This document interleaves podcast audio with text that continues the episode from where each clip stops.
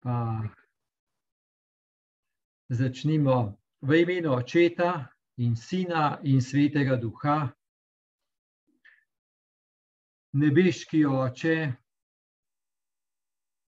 razodevaš se po svojem Sinu Jezusu Kristusu v moči Svetega Duha in mi smo deležni na mnoge načine tvojega razodevanja, tudi po tem odlomku, dogodku in odlomku, kjer se bomo danes ustavili, naj bodo naša srca odprta, da lahko prepoznamo, kdo si in kakšen si do človeka, kako, um, kako si, kako deluješ do človeka, da nam to pomaga te prepoznati in živeti s teboj in v tebi.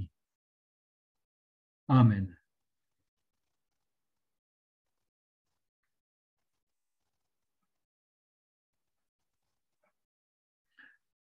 Odlomek je Luka 5, od 1 do 11.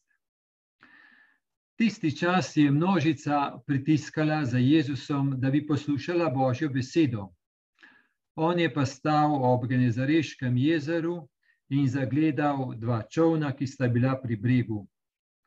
Ribiči so bili stopili iz njih in so izpirali mreže. Stopil je v enega izmed čovnov, ki je bil Simonov, in ga prosil, naj odrine malo od kraja. In sedel je in iščel na množice učil. Ko pa je nehal govoriti, je rekel Simonu: Odrini na globoko in vrzite svoje mreže na lov. Simon se je oglasil in mu rekel: Učenik, vso noč smo se trudili, pa nismo nič ujeli. Toda na tvojo besedo bom vrgel mreže. In ko so to storili, so zajeli veliko množino rib, da so se njih mreže trgale. Pomignili so tovarišem v drugem čovnu, naj jim pridejo pomagati. Ti so prišli in napolnili so oba čovna, da sta se potapljala. Ko pa je to videl Simon Peter, je padel Jezusu k nogam in rekel: Pojdi od mene, gospod, ker sem grešen človek. Groza je bila namreč obšla njega in vse, ki so bili z njim zaradi ribjega ulova, ki so ga bili zajeli. Prav tako pa tudi Zebedejeva sinova Jakoba in Janesa, ki sta bila Simonova tovariša. Jezus je pa Simonu rekel: Ne boj se, odslej boš ljudi lovil. In potegnili so čovna k kraju, popustili vse in šli za njim.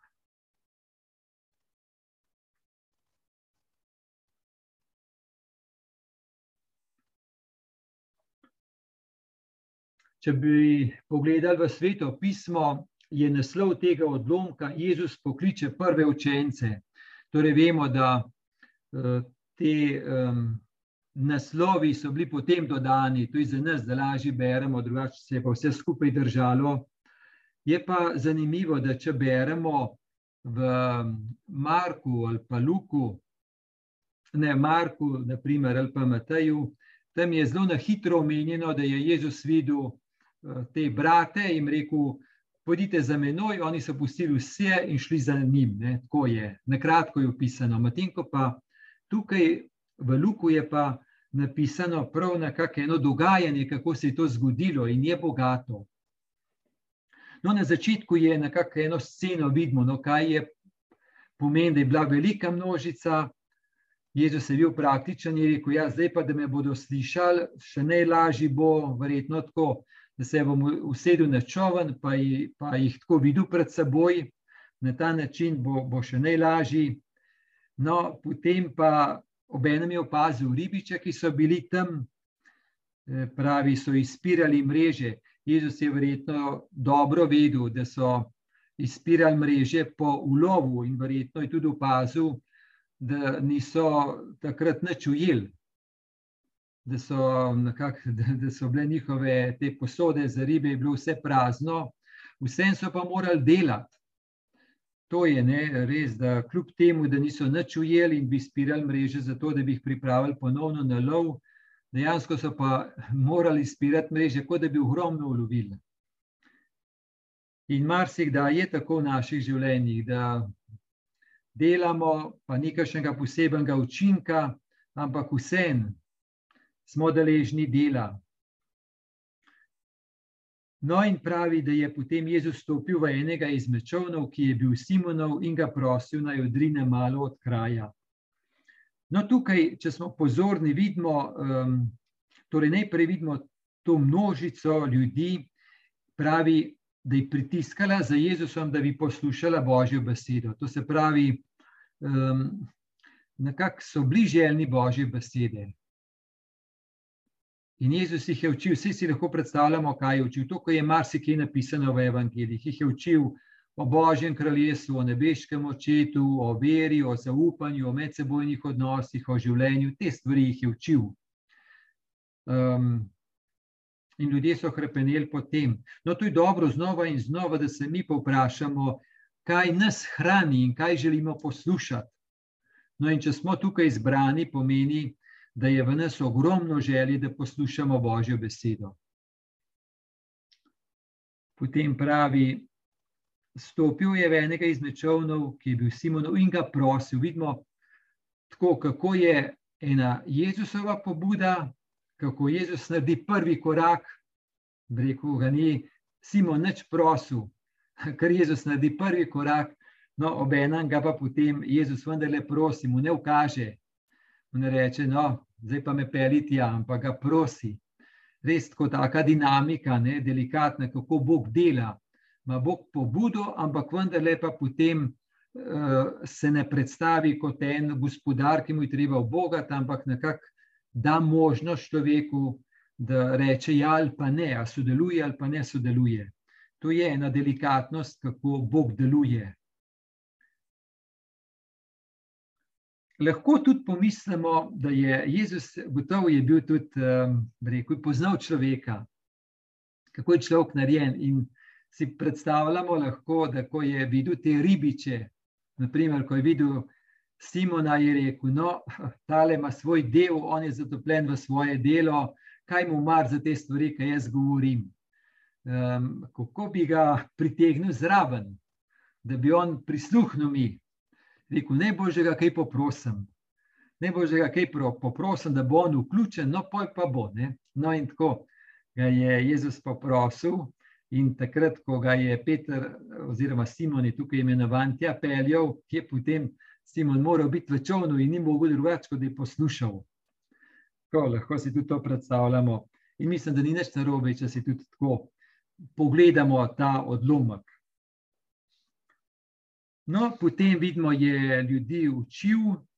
Um, no, morda še to, ne, da na začetku vidimo, kako Jezus Simona prosi nekaj majhnega, nekaj, kar on lahko naredi brez težav. Ker Bog je res takšen, včasih nam skušnjava predstavlja Boga, da ima ene nemogoče zahteve za nas in do, od nas, da nekaj nemogočega zahteva ampak vidimo, kako se Bog polagoma približa in kako prosi nekaj, kar človeku je mogoče. In res to, dobro, Petra je nekaj stal, je nekaj časa dal za to, da je vzel Jezusa tja na čovn, da ne vemo, koliko časa je govoril, nekaj časa že, ampak vendarle pa ni bilo nekaj nemogočega za Simona, to, kar je on lahko dal. No, Torej, najprej vidimo, da je množice imel in je nekako z njimi bil, jih učil in tako. Naprej pa, ko pa je nehal govoriti, je rekel Simonu: Odrini na globoko in brzite svoje mreže na lov. To se pravi, zdaj pa vidimo, se bo pa Simonu po svetu. Pa ne samo Simonu, ampak tudi tistim, ki so bili s Simonom. Ker vidimo, odrini na globoko, to je v ednini. Odrini na globoko, ti odrini na globoki, na globoko in vrzite svoje mreže za lov. To se pravi, je Simona vključil, obenem pa tudi vse njegove, to njegovo ekipo. Um, tako si lahko predstavljamo, in mnogi eksegeti tudi tako zagovarjajo, da je Peter uh, in rekel, bil en, en vodja ene mehne skupine teh um, ribičev. Torej, in bo udeležen v vsem tem osebno Simon, obenem pa tudi njegovi tovariši, bodo pa tudi nečesa deležni. Vidimo pa že tukaj, no, da, ne, da ne gre samo za Simona v Ednini, ampak tudi za njegove. To je že malo slutnja, kako bo on enkrat postal tudi vodja apostolov. Zdaj, odrinjena globoko je gotovo zelo močna beseda. Odrinjena globoko. Um, globina pomeni nekaj drugega kot plitvina. Breg, plitvina, odrinjena globoko. Globoko pomeni tam, kjer je ena novost, ena, lahko tudi rečemo, negotovost, ena odprtost. Torej, nekaj, kar je, rekel bi, sigurno, v globino iti, na globoko iti, to je pa bo ena novost in res se bo nekaj zelo novega zgodilo. Bomo videli potem. Simon se je oglasil in mu rekel: Učenik, vso noč smo se trudili, pa nismo nič ujeli. To, da na tvojo besedo bom vrgel mreže. No, vidimo najprej, da je tukaj izraz učenik.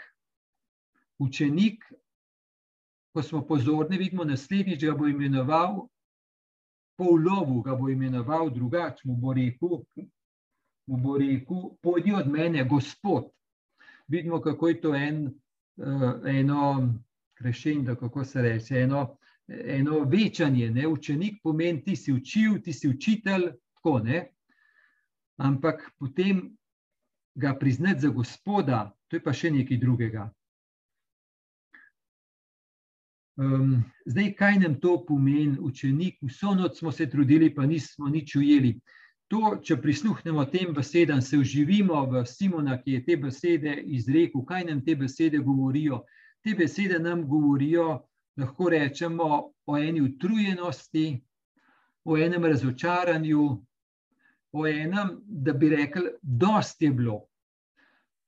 Po noč se lovi, tako imamo, da se ribe po noč lovijo v mrežo vsak ribič to ve, ne? po noč se vrže mreže, pa se ribe noter ulovijo, po dnevu bi videle to mrežo, pa bi hotele pobegati. Po noč se lovi in po noč so se matrali. In ko je Peter, ko, ko so prazne mreže videli, verjetno jih zadovoljen ni bil, ker uh, vendar je s tem denar služil za svojo družino in ga je gotovo bilo, kaj bo pa zdaj.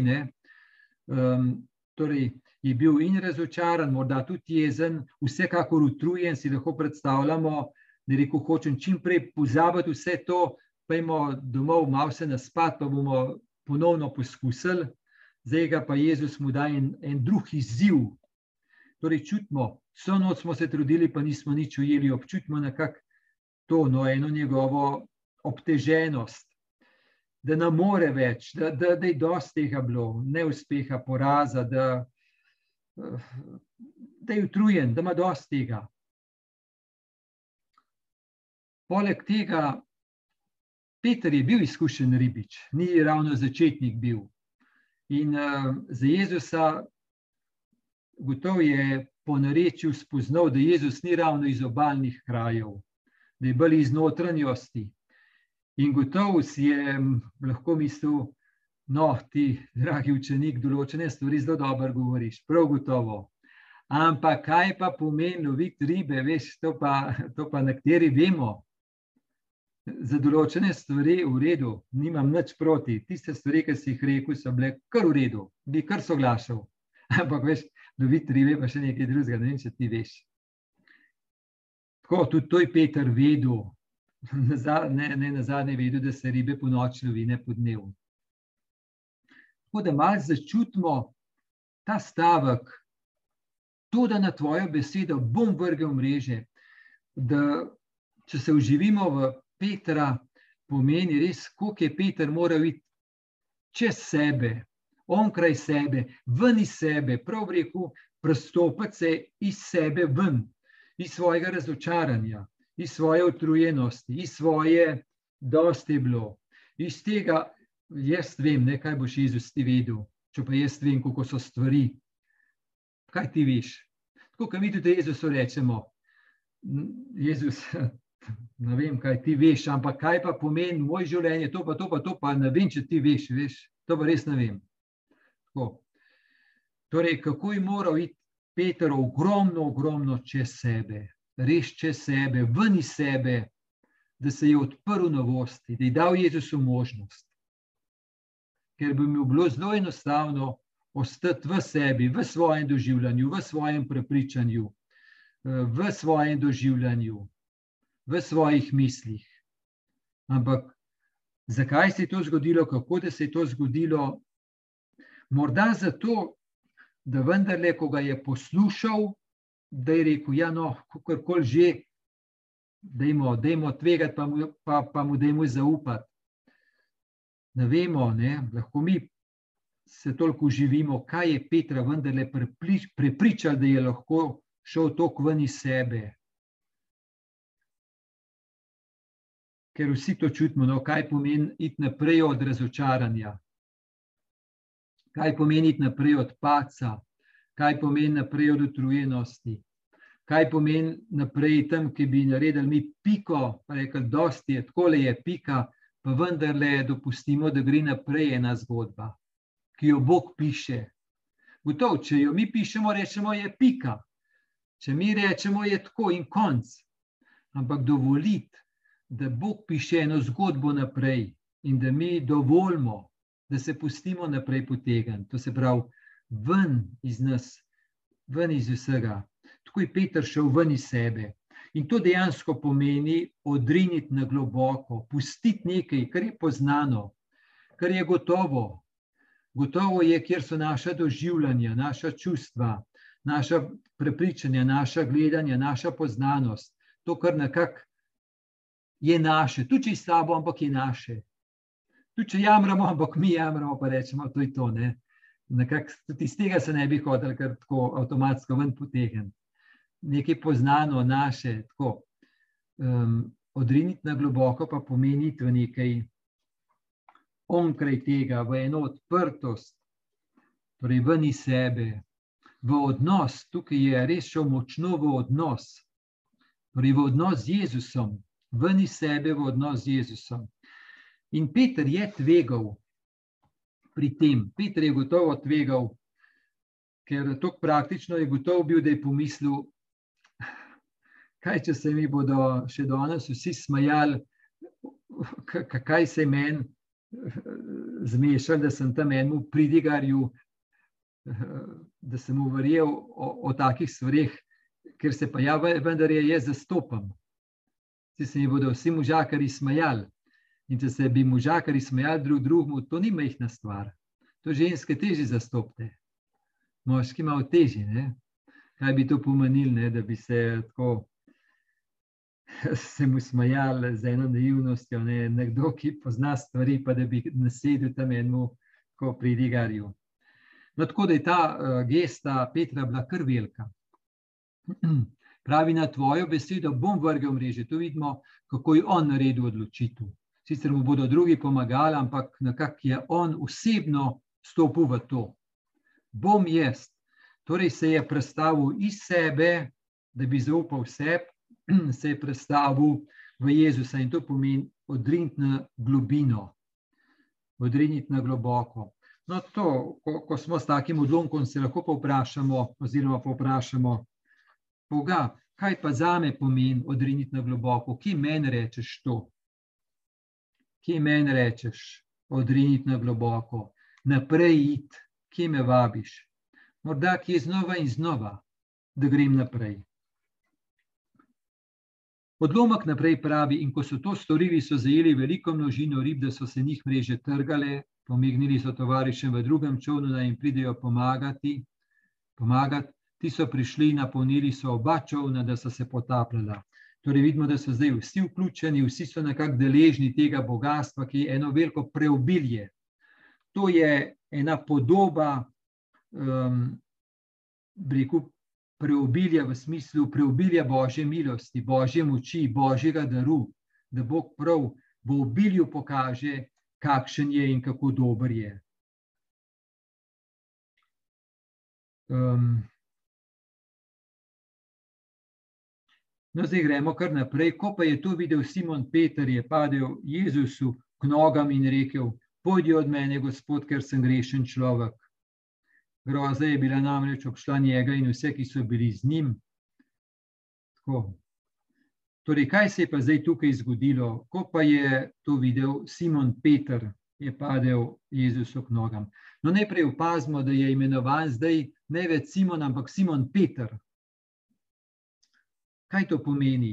Torej, v, najdemo v evangelijih malo bolj opisano, kako je dal Jezus Petru ime, novo ime. In vemo, da pomeni Peter skala, da Peter pomeni skala. In da to uh, Peter skala ni zdaj primarno to, ti si Peter, ki si tako močen kot skala, da bom jaz na, na tebe, ki si tako močen kot skala, postavil svojo crkvo. Ni to najbolj primarno in najbolj temeljno. Najbolj primarno je, Simon, ti si zdaj izkusil, kaj je pa zares trdno v življenju. Da človek ni trden, da se vse sesuje, pa je neuspeh, da gre vse nekam tako, to veš in poznaš da je pa vendarle ena druga moč še na delu, ena res trdna, ki lahko deluje tudi v razočaranju, da potegne naprej, v neuspehu, da potegne naprej. No, to je pa ena trdna skala. Torej, ko Simon, ti poznaš to trdno skalo, ki je Kristus, ko jo ti poznaš osebno, takrat si ti Peter. In ko boš ti na to trdno skalo naslonjen, boš ti lahko tu trdna opora drugam. Torej mu je rekel, ko je Simon Peter, torej zdaj ima Simon eno novo izkušnjo, eno zelo novo izkušnjo življenja, Boga, Božje moči, Božje bližine. In v tem smislu se mu menja identiteta, novo ime dobiva. Ko je izkusil, kaj pomeni resnična trdnost. No, in potem je padel k Jezusu k nogam, pomeni res, je padel k Jezusu k nogam, pomeni to, kar je potem rekel: Pojdi, Gospod, od mene, ker sem grešen človek. Gospod je uporabil ta izraz. Smo rekli, prej je učenik, ker ga prej poznal kot nekoga, ki uči, zdaj pa kot gospoda, pomeni v tem smislu, ti si en gospodar, ki si močen, ti si velik, ti si mogočen, ti si pa res velik. No, in zdaj se ustavimo ob tem, um, kaj pomeni to, da mu je rekel: Pojdi od mene, gospod, ker sem grešen človek. Najprej, da se je Peter zdaj prepoznal, da je grešen človek, to ni nastalo iz tega, da bi Jezus rekel. No, zdaj pa um, ti si spoved malo bolj, malo bolj na hitro upravil. No, nisem jaz za krementa spovedi, ampak v tem smislu. Peter, veš, ti si malo površen to naredil. Ti si to malo bolj tako na hiter naredil, veš, kar tako si malo mislil. Zdaj ti bom pa jaz res povedal en vspisek, kaj vse si ga ti polomil. Zdaj ti vrbat se ne zavedaš, zdaj ti bom pa jaz povedal. Ker si predvsej preklinjal, a ti veš, še danes zjutraj, ko ti ni šlo, veš, kakšne vse si uporabljal, ti si že čisto vajen konci tega, noč ne boš več te to delal. Potem veš, do svoje žene, mečkaj bili, pa tudi lahko tako levil, pa še svoje otroke sakiraš, pa ne jih sostrezaš in tako naprej, ne? Pa še včasih malo pogulfaš in to. A priznaš, da si res grešnik. Pa še deset stvari ti bom povedal, da boš ja videl, da si grešnik. Torej, a ga je tako stisnil? A je v tem stvar? Ni v tem stvar, res ni v tem stvar ampak je to, um, v tem je, da ko je on izkusil, kako velika je božja moč, kako je Bog dober, kako velika je božja dobrota, iz tega je potem okus, izkušnja, da je človek majhen in da je grešen. Torej, ne, grešnost, vse ni grešnost, prvenstveno in edino moralni nivo. Je bolj duhovni nivo, kaj pomeni, božja veličina in kako je človek en prahec. In da je Peter res stisnil, torej, da je ta veliki Bog, močen Bog, dober Bog, ki je morda slišal, da je Bog takšen, da je iznenada je zanj takšen, da je tukaj takšen Bog, tako velik in tako dober zanj. In to pa ni mogel zdržati. Rekel, ne, to je pa preveč, to pa ne zdržim. Jaz poznam moj svet, to, to, to je moje kaj je pa ta svet Božje veličine, Božjega načina, Božje moči. To pa ni za me, to ni za me, pojdi proč, pojdi proč, pojdi proč. Jaz se hočem nekako ohraniti to, to, to, kar si pa ti, to je pa nekaj čist drugega, mi dva nimamo kaj skupnega, pet proč. Torej, v tem, ne, ko je izkusil um, božjo veličino, iz tega je čutil, kako je, kako je on grešen. Sam pravim, na bolj globinskem nivoju, ne moralnem. No, zdaj, um, ta teden sem imel precej pogovorov in sem bil uh, tako, ker sem vedel za ta odlomek, pa sem bil pozoren. In veste, ene dvakrat sem prav uh, zanimiv, sem rekel, no, evo, to je pa to. Naprimer, je ena rekla, um, je govorila o, tako, o, o molitvah iz časa Adventa, ko je bil Izaija 61, to je tisto odlom, ki so bili, kako je Bog dober do človeka, kako Bog poskrbi in tako naprej. No, in ona je prav to besedo uporabila. Um, nelagodje, kako se veliki Bog ustavlja v meni, da si vzame čas za me, da se ukvarja z mano. Nelagodje, prav to je uporabila. Nelagodje, nekako ni bilo enostavno zdržati. Bog velik, dober in da me namenjaš, ne samo ljudstvo na splošno, ampak meni, prav nelagodje, tako. Ni mi bilo domače, prav nelagodje. Sem rekel, evo, to je to, to je prav ta odlomek. No, ali pa en drug, ena druga oseba, um, druge stvari, ampak prav to. No, prav, Bog me vabi v gledanje za stonske njegove ljubezni in meni ob tem se probudi strah, spoštovanje, da je božja ljubezen tako velika in da je meni namenjena. Tako, to je to, ne? to se pravi, kako je Bog velik. Če bo potem čas, bom še nekaj prebral. Vse tega imamo v svetem pismu veliko. Naprimer, če bi brali Izaija 601 do 8, ko je uh, Izaija uh, spoznal, kako je Bog velik, ti svet, svet, svet je Gospod nad vojskami in tako naprej. In njegova reakcija, gorje mi, izgubljen sem, ker sem mož z nečistimi, z nečistimi usnicami, prebivam sredi ljudstva z nečistimi usnicami in so moje oči videle kralja, gospoda nad vojskami. Torej, ni šlo za moralno grešnost, ampak božja veličina, kjer človek potem občuti, kako je mečkan. To je to. Torej, straho spoštovanje je in um, to je ena nova zavest, eno novo spoznanje o Bogu, pa o samem sebi. In to je drža duhovne ponižnosti pred božjo veličino. In torej ni se treba pogrezniti v nič.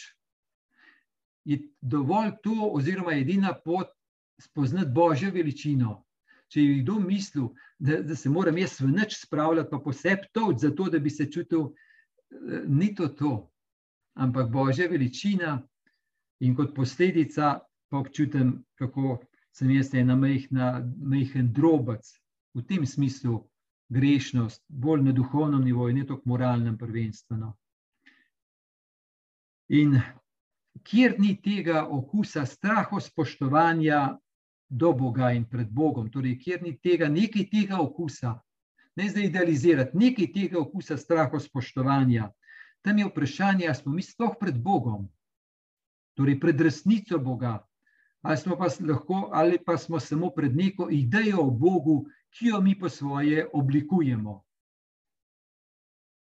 Torej, da je Bog oblikovan po moji podobi, ne pa da sem jaz oblikovan, oblikovan po njem. Torej, smo rekli za, za um, Simona, nekaj zelo novega na tem nivoju je bilo tukaj pravi ta izraz, je groza, je obšla namreč njega. Zdaj, groza je prevedeno na hozana si, s tem jaz vzamem odlomke. Če bi brali slovenski standardni prevod, je malo drugačije. Nad ulovom rib, ki so jih zajeli, je osupnil on in vsi, ki so bili z njim. Vidimo, ne, kako so tudi prevodi različni, groza, osupniti. Za moj, jaz nisem ekspert, ampak bi rekel, groza je malo pretiran, osupniti je malo premal, ampak pomen je pa to straho spoštovanje, to pa. No in kako je potem, um, torej, On je rekel, Simon je rekel, pet proč, mi dva nimava, ti si prevelik za me, to je preveliko za me, to ni za me, to je preveliko, to ni moj majhen svet, to je za me, to so pa druge stvari. No in kaj mu je Jezus rekel? Ne boj se. Ne boj se. To nas zelo hitro spomni, kako je bilo pri ozanenju Mariji. Marija se je tudi znamerila pred Božjo veličino, tam ni toliko vidik grešnosti, ampak pred božjo veličino se je pa vznemirila, ker je Bog tako velik in tako blizu. No, in jo je tudi tam angel, ne boj se, zaupaj. No, in tukaj je tudi Jezus rekel: Ja, res, stisnem si od tega, ampak ne boj se, odslej boš ljudi lovil. Um, vidimo tudi to, se pravi, odslej boš ljudi lovil, tako kako mu daje eno poslanstvo, mu nekaj zaupa, ga povabi. Eh, obenem pa nekaj tazga, mm, ko vidimo, kako se skloni k njemu. Na en tak način mu reče, da je njemu blizu, da on pozna to, da mu ni predaleč, torej res, kako se Jezus približa, tako kot je stopil v čoven, tako kot je stopil v njegovo življenje, ga povabil in potem mu bo dal možnost, ne, ali bo stal z njim ali ne. Um, lahko si tako predstavljamo, da ni Jezus Petru rekel, Simonu rekel: No, veš kaj, Simon, kad tebe gledam, pa vidim, da si pa res kar strašansko sposoben. No, ti mi boš pa prav prišel, ne vidim, da to znaš, to znaš, to znaš, ti mi boš kar prav, prav prišel, prid, ne, prid, tvoje moči pa sposobnosti mi bodo kar prav prišle. Da ni stvar v tem, drugače sploh ne bi bilo tega prej, ampak da je vsa dinamika. No, Simon, vidim, da v tebi je kar nekaj tega, da se znaš odpreti, da mi daš možnost, da ti jaz lahko nekaj pokažem, pa nekaj dam. Je nekaj te pravga v tebi. Pridi, pridi, pridi. In uh, bomo videli, da če beremo naprej, da je dejansko že v tem odlomku ena cela dinamika odnosa med Jezusom in Petrom. Torej, da bo Peter počasi, Simon Peter, da bo počasi nekako lahko spoznaval Jezusovo skrivnost. Počasi bo nekako eh, zapuščal na, eh, rekel, naslonjenost na sebe, da je to edina gotovost, ki jo pozna. Edino življenje, ki ga pozna, edina gotovost, da jo pozna, da je on, Peter, sposoben tega in tega. In da bo on okusil, da je on božji otrok, božji ljubljenec, da je ljubljen, da je zastonsko ljubljen. To ne bo šlo hitro. Vsaj pa, kad bo Peter šel skozi strašanski padec, bo spet lahko rečemo, je ničen ulov, da bo naprej šla pot. Naprimer, takrat, ko je Jezus Petru rekel, za menoj Satan, to, to res niso bile mehne, mehne stvari.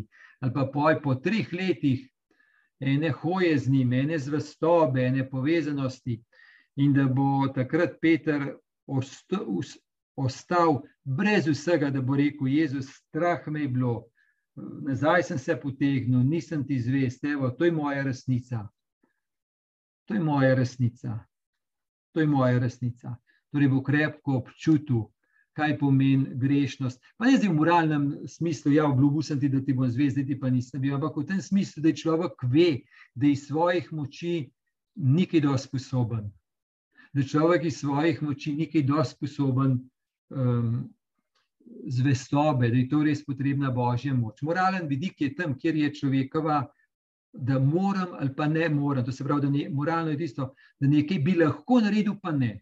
To je moralni nivo. Nekaj bi lahko, pa ne. Pravim, vprašanje grešnosti je globlje, torej do tja seže, da človek prizna, da je prav Bogi, da je prav Bogi, da je prav Bogi. Da je prav Bogi. To, to je. No. In Peter bo, torej ena dolga, dolga, dolga pot bo to, eh, potem, da bo Peter to spoznaval. No, zdaj vidim, imamo še toliko časa, bi rad nekaj prebral. Torej, iz knjige Razsatiran, Tako pravi, močna luč ne osvetli le zunanjih slabosti, temveč osvetli globine in na nek način samo dušo, ki tako spozna svojo absolutno majhnost in uboštvo pred večnostjo. Zave se svoje nevrednosti, zapiše sveta Terezija Vilska. Podobno kot se v stanovanju, ko van posije sonce, opazi najmanjša pajčevina na steni. Duša v polnosti spozna svoje oboštvo. To so resnične besede, ki popolnoma ustrezajo občutkom torej tega avtorja. Istočasno, kot sem zagledal lastne temine, sem zrl v njegovo ljubezen, ki jo je izkazoval pred mojimi očmi. Največja pregrada med Bogom in človekom je ponos. Križ in križev pot postopoma rušita pregrado ponosa v človeku, da naposled med lučjo in človekom ni ničesar več. Zato so potrebni naši paci, počasi, a zanesljivo. Treba je pasti globoko in izgubiti vse, šele potem, da ja, dojamemo, da sami ne moremo ničesar storiti. Moja lasna moč me oddaljuje od Boga. Trpljenje pa, ki ga v vsej ponižnosti sprejema, me približuje Bogu. Lepi, bogati, močni in mogočni imajo vse proti sebi, kajti njim je težje to dojeti kot kateremu koli drugemu. Če se bodo znali zahvaliti za vse pace, preizkušnje in brezna, ki se jim bodo zgodila, bodo ravnali modro, kajti le to jih lahko reši. Mogoče. No, tako, zdaj, ko beremo te stvari, je res dobro, da prav razumemo. Ker drugače, če vse pomešamo, lahko gremo res na vem kam. Ampak da se vrnemo k temu odlomku. No? E, torej, kaj pomeni ta izkušnja, to srečanje med Jezusom in Petrom, kako se je Petru približal, kako mu je odstrl nekaj novega, nekaj tako velikega, tako lepega, tako velikega, tako lepega, da se je Petr prestrašil, da bi kar zbežal nazaj. In da se nekaj tega dogaja, in da da Jezus vendarle zna vstopiti v naše čovne, nas povabiti, kaj nas prositi, kaj, ampak vedno, ko nas kaj prosi, je zato, da bi nas nekako toliko pridobil, da bi nam potem on lahko še kaj dal, pokazal, podaril, da je to njegov način. In torej ne, da bi nekaj hotel zase, ampak edino, da bi nam nekaj hotel podariti, jasno pa, da mi bi svoje čuvali, bi rekel, Jezus, vse mi puskati to, to je pa res dobro nam pa res nekaj eh, želi podariti. Pa ne samo kakšne posamezne stvari, ampak da nam želi podariti samega sebe, očetovo ljubezen, Božje kraljestvo, za to gre.